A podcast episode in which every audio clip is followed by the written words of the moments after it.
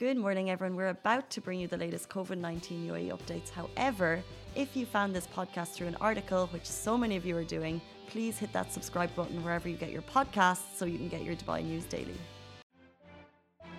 Good morning, Dubai. How are you doing? Welcome back to the Lovin Daily, where I take you through all the trending stories that everyone in Dubai is talking about. Last night, there were big updates from Dubai Media Office. Dubai is getting stricter for COVID 19. We have all the news, the new regulations that are going in place from today for you. We're going to run through them in a little bit more detail. We're also going to be talking about Mo Vlogs, got 10 million subscribers on YouTube. Emirates has flights back up and running to the UK. So if you're a UK resident or tourist stranded here, that's going to be music to your ears. But how are you all doing this morning? Great to see your comments coming in on Instagram, on Facebook. I met Mo Vlogs. Did you? How was he? We're going to talk about him later in the show. What was it like meeting him? I also met him. Mm-hmm. And yeah, it's a bit of an awkward one. I ran up and asked for his number for Lovin Dubai. and he gave it to me, but then it actually, I don't know if he knew what we do as a media publication, but I tried to message and never got that response. Um, but no, actually, Freddie's a really great guy and he's a hard worker. He's getting response, he's getting praise on YouTube. As we're going to talk about that later in the show. So, whoever just said, I've missed your name, but if you said you met him, please let us know how you got on with him. Um, we're going to jump into our top story. This is the one that broke last night. Um, are we surprised? Probably not. Cases in the UAE have been rising, and Dubai has just announced strict protocols across the board. All of the, these measures put in place. We also know that they're doing checks across the city to make sure that places are following them. So we're talking about hotels, cinemas, bars are closing, um, new regulations for all of them. The number of people that are allowed into them are decreasing, and this is to ensure that we limit the spread of COVID 19 as we look at numbers. First of all, I want to jump into numbers. New cases yesterday, 2,730 little bit of a drop there. We've been over the 3,000 mark for a couple of days. That's good. New recoveries 4,452.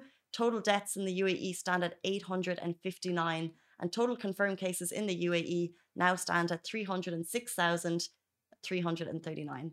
So we are seeing those cases rise. There was a dip in the last 24 hours, but in general, they're at a number we don't want them to be at. And therefore, new measures from today. And what's interesting about these measures, usually when they're put in place, we don't know how long they're going to be for. In this case, Dubai Media Office said they're from effective from today, 2nd of February until February 28th. So we have this three month period of reduced capacity in a lot of places. 50% reduction in capacity of indoor seated venues.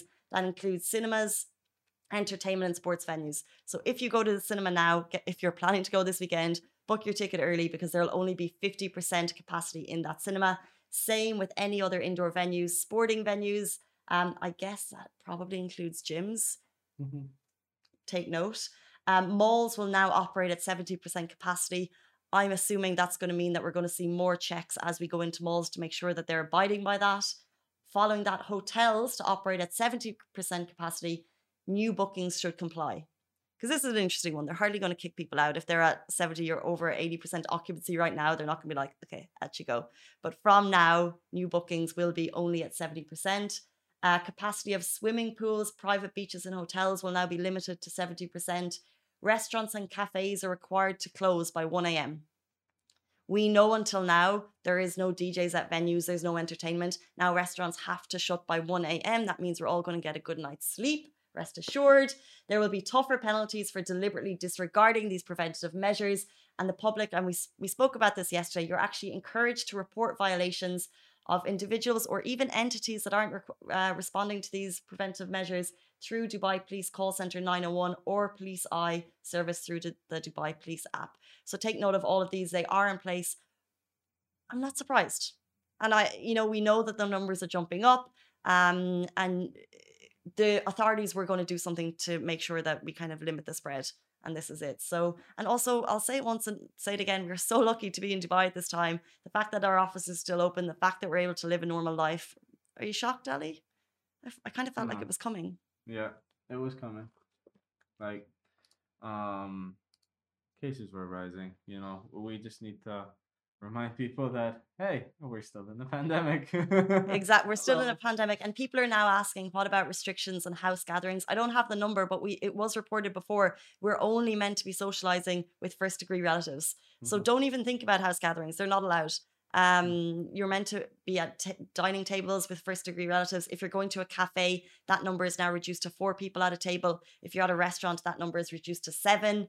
Um, so just take note of this. You're only meant to be out with first degree relatives. We're not meant to be having parties. Uh, the fact that we're able to go to restaurants and the fact that restaurants are able to stay open is Mhm. amazing. Mhm. Um, we have had an incredible amount of freedom over the last couple of months in comparison to many other cities. I think we need to respect that. I think we need to really respect these new guidelines, take heed of them, just to make sure that it doesn't get worse. Because if those numbers rise, authorities have to put something in place. So here we have it now. That's directly from Dubai Media Office. Late last night, those numbers came through. Uh, anything more that comes to us, and if you have any questions, drop them on Instagram. We'll keep you updated. Lovin Extra is here. This is the new membership, and while absolutely nothing changes for our readers, extra members get access to premium content, exclusive competitions, and first look for tickets and access to the coolest events across the city, and Lovin merch. If you subscribe right now, a very cool Lovin Red Eco Water bottle will be delivered to your door. Um, and more of that to come, I'm sure. Moving into our next story, Emirates flights to the UK are back up and running.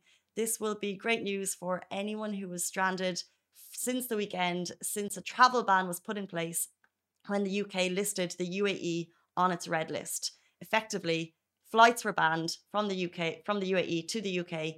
Anyone here was stuck. British citizens were told they could travel to the UK, however, they'd have to go via another country. Not easy. Um, but Emirates, committed to getting people home, have announced that stranded residents, Brit, uh, Brit residents and tourists can fly home from today. So if you're stranded here, you can get home. That's amazing. Uh, so that starts back up and running. There will be daily flights to London Heathrow and four flights per week to Manchester. Makes it a little bit easy. Um, I would get onto Emirates right now to have a look. I'm just looking through your comments on Instagram. It's great that we're able to keep them. Someone saying flights should honestly not resume for now.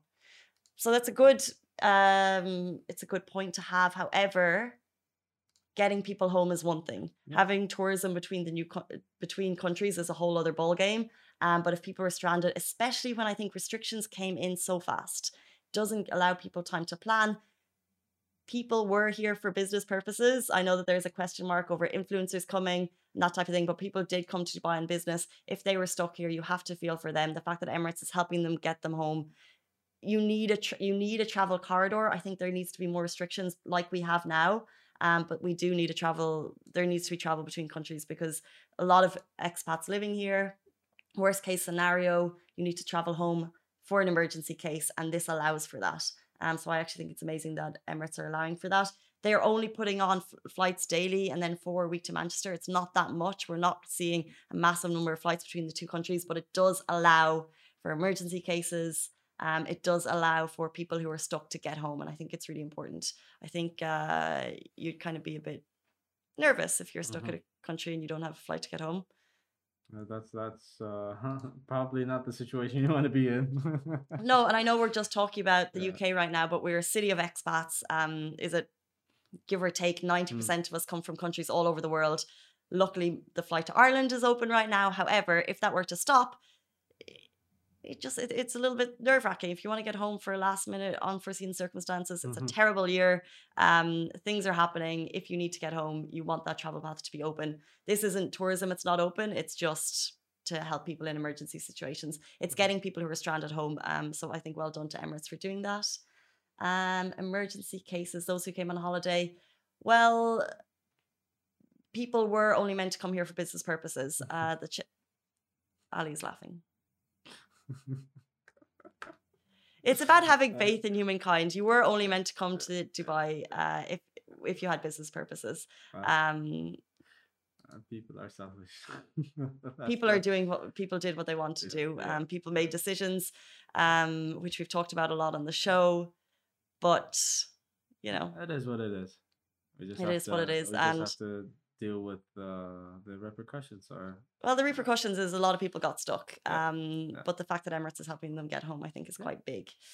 Um, moving on to our next story. Love your thoughts on this. Mo Vlogs gets a YouTube award for hitting 10 million subscribers. Now, if you've lived in Dubai, if you're a YouTube follower, if you're on YouTube, he's one of the biggest YouTubers out there. He's the OG, OG of YouTube in the region. Like when I first came here seven years ago, he was doing it. Um, you speak to YouTubers, like he was one of the first people uh, to talk about consistency. So on YouTube, it's it's all about consistency. It's all about building your community. And every day, years ago, he was getting content up, and it's not easy. Like anyone who's tried to challenge themselves to post a video onto YouTube every day for a year or something, I think he did. Uh, you know, I've heard other YouTubers talk about him when everyone else could be going out and hanging around and socializing. He was going back every day to get those edits up, and now he's being rewarded. To be honest, I was surprised he only had 10 million subscribers. You you would expect them to get more? I, if you are big on TikTok right now, you could have Oh, like a oh. hundred million likes. It's just interesting how the platforms differ. Um, and also when you look at his videos on YouTube, because I flicked onto his YouTube this morning, he has millions of views on them, 19 million views on Rich Kids of the Middle East, the most expensive car.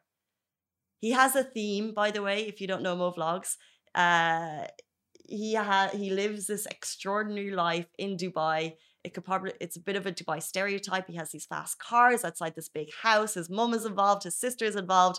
His friends are also all big YouTubers. Um, you see them go on private planes. You see them do YouTube challenges.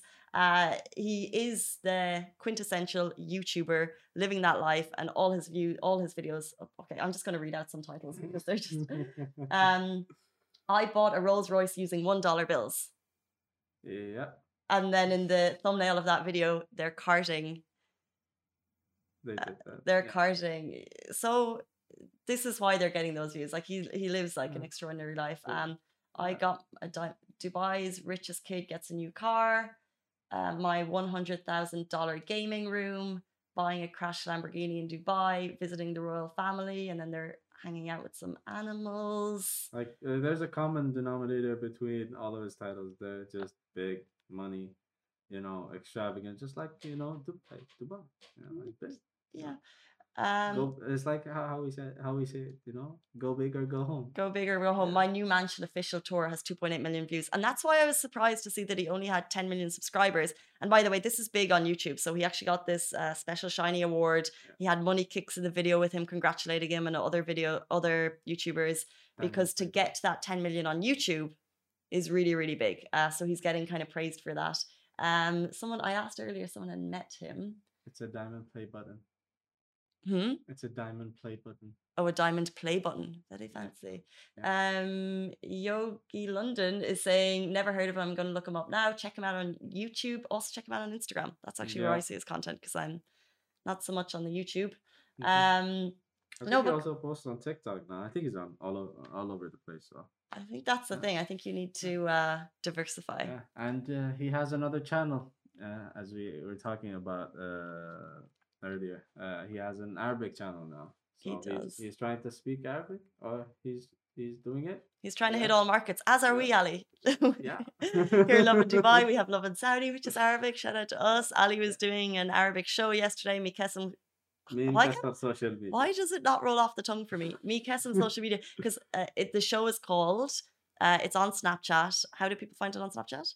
Um, you just type in Mean Mkesser social media in Arabic, and you can find it. But And uh, it means who's crushing social, crushing media. social So that's what we call it here in the office. yeah. Um, this is a huge show that we have on another platform on Snapchat via Smashi, which is a sister platform to Lovin Dubai. But that's us trying to hit other markets. Yes. And when I say that's us trying to hit, like this is this is the big show. It's got billions of views worldwide. Like it's incredible. Um, so if you're on Snapchat, take a look. Um, moving into our final story, guys, super exciting. It's Valentine's Day, and if you're looking for something beautiful and special to do, Kumar Sanu and Alka Yagnik are bringing 90s Bollywood romance to Dubai. It's happening on February 12th. Get yourself down to Sheikh Saeed Hall, Dubai World Trade Center. Tickets start at 59 dirham. Very exciting. Um, you can get tickets on bookmyshow.com.